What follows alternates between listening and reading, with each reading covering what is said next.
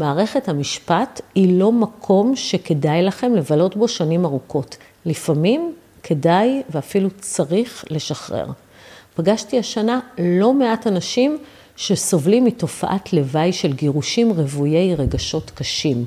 חוסר היכולת לשחרר ולהתקדם הלאה ולהתחיל חיים חדשים. הם מתלוננים על זה שהליכים אורחים המון זמן, עולים המון כסף, על ההחלטות של השופטים, על חוסר הצדק, הם ממש מתבוססים בתסכולם ולא מבינים שהם שקועים עמוק בבוץ המשפטי התובעני וממש לא מעוניינים להיחלץ. הם מגיעים אליי בתקווה שאני אציע להם איזה נקודת מבט חדש, איזה פריצת דרך, איזה אסטרטגיה חדשנית שתעזור להם לנצח את ההליך. לפעמים זה באמת אפשרי, אבל הרבה פעמים, אחרי כמה שנות הליכים, המשך ההליך הוא הפסד בפני עצמו, ופריצת הדרך היא דווקא להחליט לשחרר. ברוכים הבאים לסדרת השורטקסטים, שהם בעצם סיפורים מהבלוג שכל כך אהבתם, והשבוע, ולכבוד השנה האזרחית החדשה, בחרתי לדבר על שלושה עניינים שהכי שווה לזכור מהשנה החולפת. לעניין הראשון קוראים, אל תעשנו על נפש הילדים. אחת מתופעות הלוואי הכי קטלניות של הגירושים, זה השנאה התהומית הזאת שמפתחים נגד ההורה האחר.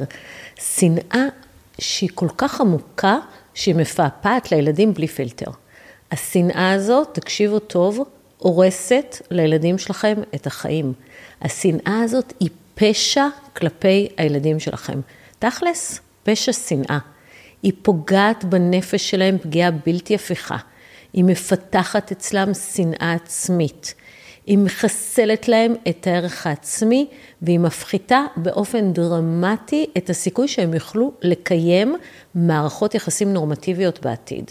וכשאתם מלמדים את הילדים שלכם לשנוא את אחד מההורים שלהם, אתם בעצם מפעילים נגדם אלימות רגשית. זה גרוע כמו להכות אותם בחגורה, כמו לנעול אותם בשירותים, כמו לכבות עליהם סיגריה, אלא שעל אלימות פיזית נענשים, ועל אלימות רגשית מערכת המשפט כמעט חסרת אונים. דמיינו שהבת שלכם עוברת התעללות בבית ספר. הילדים שונאים אותה. אומרים לה שאימא שלה שמנה, שהיא מכוערת או מחוצ'קנת, לועגים לגירושים של ההורים שלה, צוחקים מהבגדים שהיא לובשת, או אפילו מפיצים תמונות עירום שלה. הייתם נזעקים, הייתם רצים לבית ספר, נפגשים עם היועצת, הופכים שולחן על המנהלת, דורשים לעשות הכל כדי למנוע מהילדה שלכם את הסבל הזה. אתם, אתם לא תיתנו לאף אחד להתעלל בבת שלכם. אתם תילחמו כדי להגן עליה, אתם תתרמו לה כליה, אתם תיתנו את החיים שלכם עבורה, לא ככה? כשבבית אתם מחדירים לה שנאה להורה השני, אתם מתעללים בה לא פחות. פעם כשאני הייתי ילדה, היו מעשנים עלינו בחדר סגור, נהגו לטגן אותנו בשמן אגוזים בצהרי היום בחוף סירונית בנתניה, ולא הבינו את הנזק הבריאותי המצטבר שטמון בעשן הסיגריות ובחשיפה בלתי מבוקרת לחלוטין לקרני השמש. לקח שנים להבין שאלו התנהלויות מסכנות חיים. היום נראה לנו הזוי לעשן בתוך הבית, בטח אם יש בו ילדים, או לטגן ילדים בשמן אגוזים בחוף הים. המודעות לסכנה, מודעות שפמפמו לנו בתשדירי שירות שחזרו על עצמם בלופים בעידן של הטלוויזיה שלנו, לא היה שלט. כשלא היו פרסומות ולא העבירו לערוצים אחרים, המודעות הזאת שינתה את ההתנהגות והטמיעה בחברה קודים חדשים. היום אף אחד לא מפציר בנו לא לעשן ולא להצלות בשמש, זה ברור כשמש. את אותה מודעות אני מבקשת להעביר לגבי נפשם של ילדים בגירושים. אם הייתי יכולה, הייתי מחזירה את תשדירי השירות לכל הערוצים. ניכור של ילדים, הסתה שלהם, הישענות עליהם, הפיכתם למתווכים, לכאלו שצריכים לבחור בין ההורים, טפטוף רעל נגד ההורה השני, גם אם זה ככה בקטנה, גם בלי למנוע ממנו לפגוש אותו, קללות נגד ההורה השני, לספר לילדים מי זו אימא שלהם או מי זה אבא שלהם. זה כמו לעשן עליהם בחדר סגור, כמו למרוח עליהם שמן אגוזים ולטגן אותם בשמש. הנזקים לא יופיעו מיד, אבל הם כבר כאן, והם מצטברים כמו תאים ממאירים בנפשם, ובסופו של דבר הם יהרסו להם את החיים. אברהם לינקולן אמר פעם שהדבר הכי טוב שאדם יכול לעשות עבור ילדו זה לאהוב את אמו. הרבה מאוד ילדים רק יכולים לחלום על זה, לפחות אל תשנאו. הנושא השני שאני רוצה לדבר איתכם עליו היום נקרא גז לייטינג. למעשה גז לייטינג זו מילת השנה בארצות הברית לפי מילון Merriam-Webster. ומה זה בכלל גז לייטינג? אז למי שלא יודע, גז לייטינג זה סוג של מניפולציה שעולה לכדי התעללות נפשית וגורמת לקורבן להטיל ספק בדעותיו, במחשבותיו, בזיכרונות שלו ובדרך שבה הוא תופס את המציאות. המונח הזה נקרא על שם הסרט גז לייטינג, שיצא לאקרנים בשנת 1944 אה, והיה מועמד לשבעה פרסי אוסקר. בעלה של כוכבת הסרט, אינג, אינג, אינגריד ברגמן, אה, היה נוהג לעמעם ולהבהב את אורות הגז ומשמיע קולות ודפיקות בקירות, וכשהיא הייתה אומרת לו שהיא שומעת קולות ושהאורות מהבהבים, הוא היה אומר לה, אני לא, לא יודע על מה את מדברת, לא רואה, לא שומע, והוא גרם לה להטיל ספק במציאות שהיא חווה, או במילים אחרות, לחשוב שהיא משוגעת. גז לייטינג הולך יד ביד עם נרקיסיזם, והוא אחת משיטות הפעולה של הנרקיסיסט שמטרתה להקטין אתכם ולשלוט בכם. נתקלתי השבוע בבעל שרכש מכשיר טוקמן זול והתחיל לשלוח הודעות לאשתו, מציג את עצמו כחבר שלה מהצבא, שהיא לא ראתה ולא שמעה ממנו 25 שנים. מה שהוא עשה, הוא ניסה לפתות אותה להיפגש איתו. זה לא הצליח לו, אבל זה לגמרי גז לייטינג. וממש כמו הגז לייטינג בשיר סיגליות של דוד ברוזה, ששלח לאשתו זר סיגליות בתשיעי בכל נובמבר, והיא חשבה שזה מעריץ מסתורי. אז איך תדעו אם עושים לכם גז לייטינג? ואני עכשיו מדברת בלשון נקבה, כי אלו רוב המקרים, אבל יש גם לא מעט נשים שעושות גז לייטינג, אז אה, תרגישו חופשי להתעלם מהמגדר. כשאת חושבת על גירושים ואת חוששת שיקחו לך את הילדים או יאשפזו אותך כי את משוגעת ואת מאמינה לו שאת חולת נפש, זה גז לייטינג.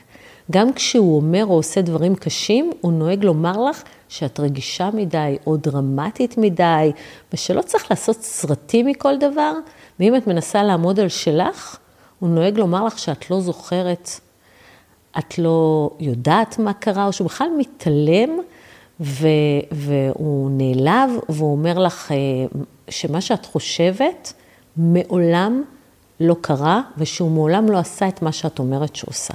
ואז, אז את מאמינה לו שאת פרנואידית. ותמיד המריבה מסתיימת בזה שהוא אוהב אותך, והוא רוצה את טובתך, ואת מוציאה דברים מפרופורציה, ואת מאמינה לו. ואת חושבת שאולי באמת הגזמת קצת? כשאתם מתווכחים, הוא טוען שכולם חושבים כמוהו, כולל האנשים הכי קרובים לך, והוא יעשה הכל כדי לגייס אותם לצידו ולהחליש אותך. ואז את לא מסוגלת לקבל החלטות בעצמך ולא סומכת על עצמך. אחרי הכל, אפילו אימא שלך חושבת כמוהו, אפילו היא אומרת שאולי את קצת משוגעת. ולאורך כל הדרך הוא ישתמש בהשלכה. למשל, הוא יטען שאת בוגדת כשהוא זה שבוגד, או יטען שאת לא מעריכה אותו כשהוא זה שכל הזמן מקטין אותך. ואת תחושי צורך להתנצל כל הזמן, לפעמים בכלל לא ברור לך על מה. ואז הוא יתעלם ממך, ואז הוא יתייחס יפה, ואז הוא שוב יתעלם, ושוב יתייחס יפה, ויהיה לך קשה לשאת את השתיקות, כי כשאת תריבי איתו, הוא יהפוך לקורבן, ואז את תעשי הכל בשביל לרצות אותו ובשביל לבקש סליחה. זיהיתם את עצמכם? דעו שמישהו כנראה עושה לכם גז לייטינג, ומשחק לכם במוח. הבנת התופעה הזאת היא חלק מהדרך להשתחרר ממנה. קודם כל, תהיו מודעים. והעניין השלישי והאחרון להיום, הוא להזכיר לכם שמערכת המשפט היא לא מקום שכדאי לכם לבלות בו שנים ארוכות. לפעמים כדאי ואפילו צריך לשחרר. פגשתי השנה לא מעט אנשים שסובלים מתופעת לוואי של גירושים רוויי רגשות קשים. חוסר היכולת לשחרר ולהתקדם הלאה ולהתחיל חיים חדשים. הם מתלוננים על זה שהליכים אורחים המון זמן, עולים המון כסף, על ההחלטות של השופטים, על חוסר הצדק, הם ממש מתבוססים בתסכולם ולא מבינים שהם שקועים עמוק בבוץ המשפטי התובעני וממש לא מעוניינים להיחלץ. הם מגיעים אליי בתקווה שאני אציע להם איזה נקודת מבט חדש, איזה פריצת דרך, איזה אסטרטגיה חדשנית שתעזור להם לנצח את ההליך. לפעמים זה באמת אפשרי, אבל הרבה פעמים, אחרי כמה שנות הליכים, המשך ההליך הוא הפסד בפני עצמו, ופריצת הדרך היא דווקא להחליט לשחרר. ככה האב שמנהל הליכים כבר שנים, ולא מצליח להפחית את גובה המזונות שהוטל עליו לפני, אה, לפני כמה שנים על ידי בית הדין הרבני. בתחילת ההליך הוא תפס את אשתו בוגדת בו והוא הגיש תביעת גירושין כרוכה בבית הדין הרבני. הוא רב איתה על כל שקל וטען שלא מגיע לה כלום כי היא בגדה, והיא טענה שהוא מסית את הילדים, והוא טען שהיא אימא לא טובה, וככה אה, הם, הם ניהלו הליך שלם שבו הוא כל הזמן אומר שמה שמעניין אותה זה מהאב שלה. בבית הדין הרבני קבעו סכום מזונות וסירבו להפחית ולא הועילו לו הליכים ארוכי שנים, ערעורים, בקשות, טענות ואפילו הניסיון להגיע לפתחו של בג"ץ. המערכת כולה השיבה את פניו ריקם והוא נאלץ לשלם מזונות בסכום שלהערכתו ממש לא הוגן. האמת היא שכל שקל שעובר ממנו אליה, כואב לו בכיס המרה. וכל המאבק הוא על הרצון שלו להפחית את המזונות ב-2,000 שקלים. גרושתו היקרה סירבה לשחרר את הסכום, את הסכום שהוא ענק לה בבית הדין הרבנה, הרבני, וככה שניהם אוחזים. היא במזונות והוא במאבק, ולא מסכימים לשחרר. תחושת חוסר הצדק מנהלת לו את החיים, והרצון שלו להפחית את המזונות היה כל כך עז, עד שהוא דחה הצעות העבודה שאפשרו לו להעלות משמעותית את שכרו, בשביל לא לפגוע בסיכוי להפחית מזונות.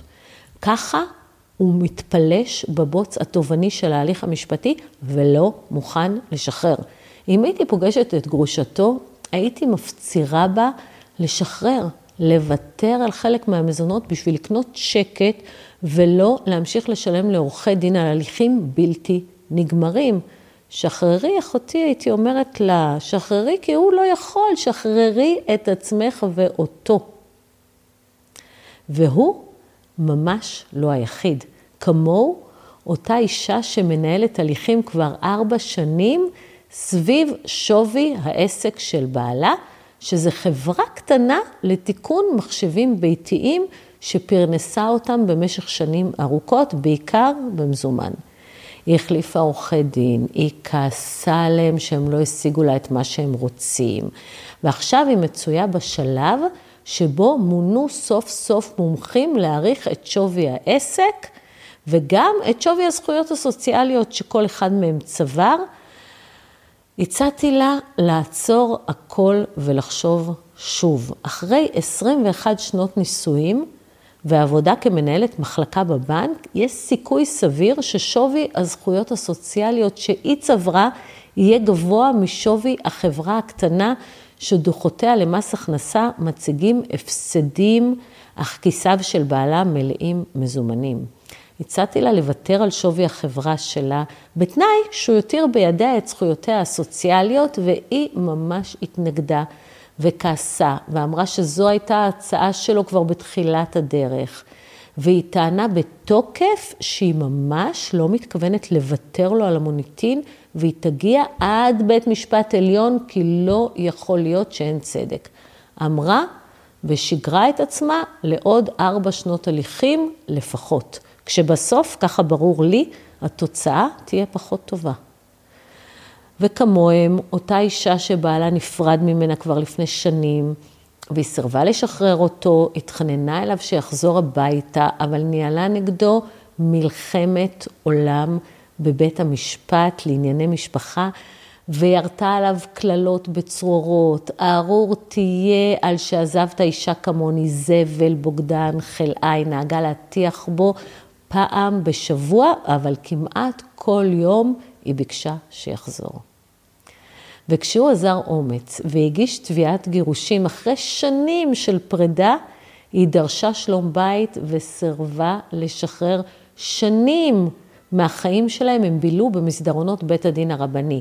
הוא כבר מזמן בזוגיות אחרת, והיא נאחזת באותו שלום בית, מתחפרת בצדק שלה, ולא מוכנה לשחרר אותו ולהעניק לעצמה הזדמנות לחיים חדשים, לזוגיות נוספת, לפרק ב', וכל כך למה תשאלו? בגלל בצע כסף. לא מיליוני שקלים, כמה מאות אלפי שקלים שצריכים לעבור מצד לצד. ואני מפצירה בכם לשאול את עצמכם לקראת השנה האזרחית החדשה, כמה שווה חודש של אהבה? כמה שווה שנה של זוגיות חדשה ומאושרת? כמה שווה הזמן שאיש לא יודע כמה נקצב לו? תודה שהאזנתם לשורטקאסט. אם מצאתם ערך או סתם היה לכם ממש מעניין, אני אשמח אם תעבירו אותו למישהו שיהנה ממנו גם. תודה.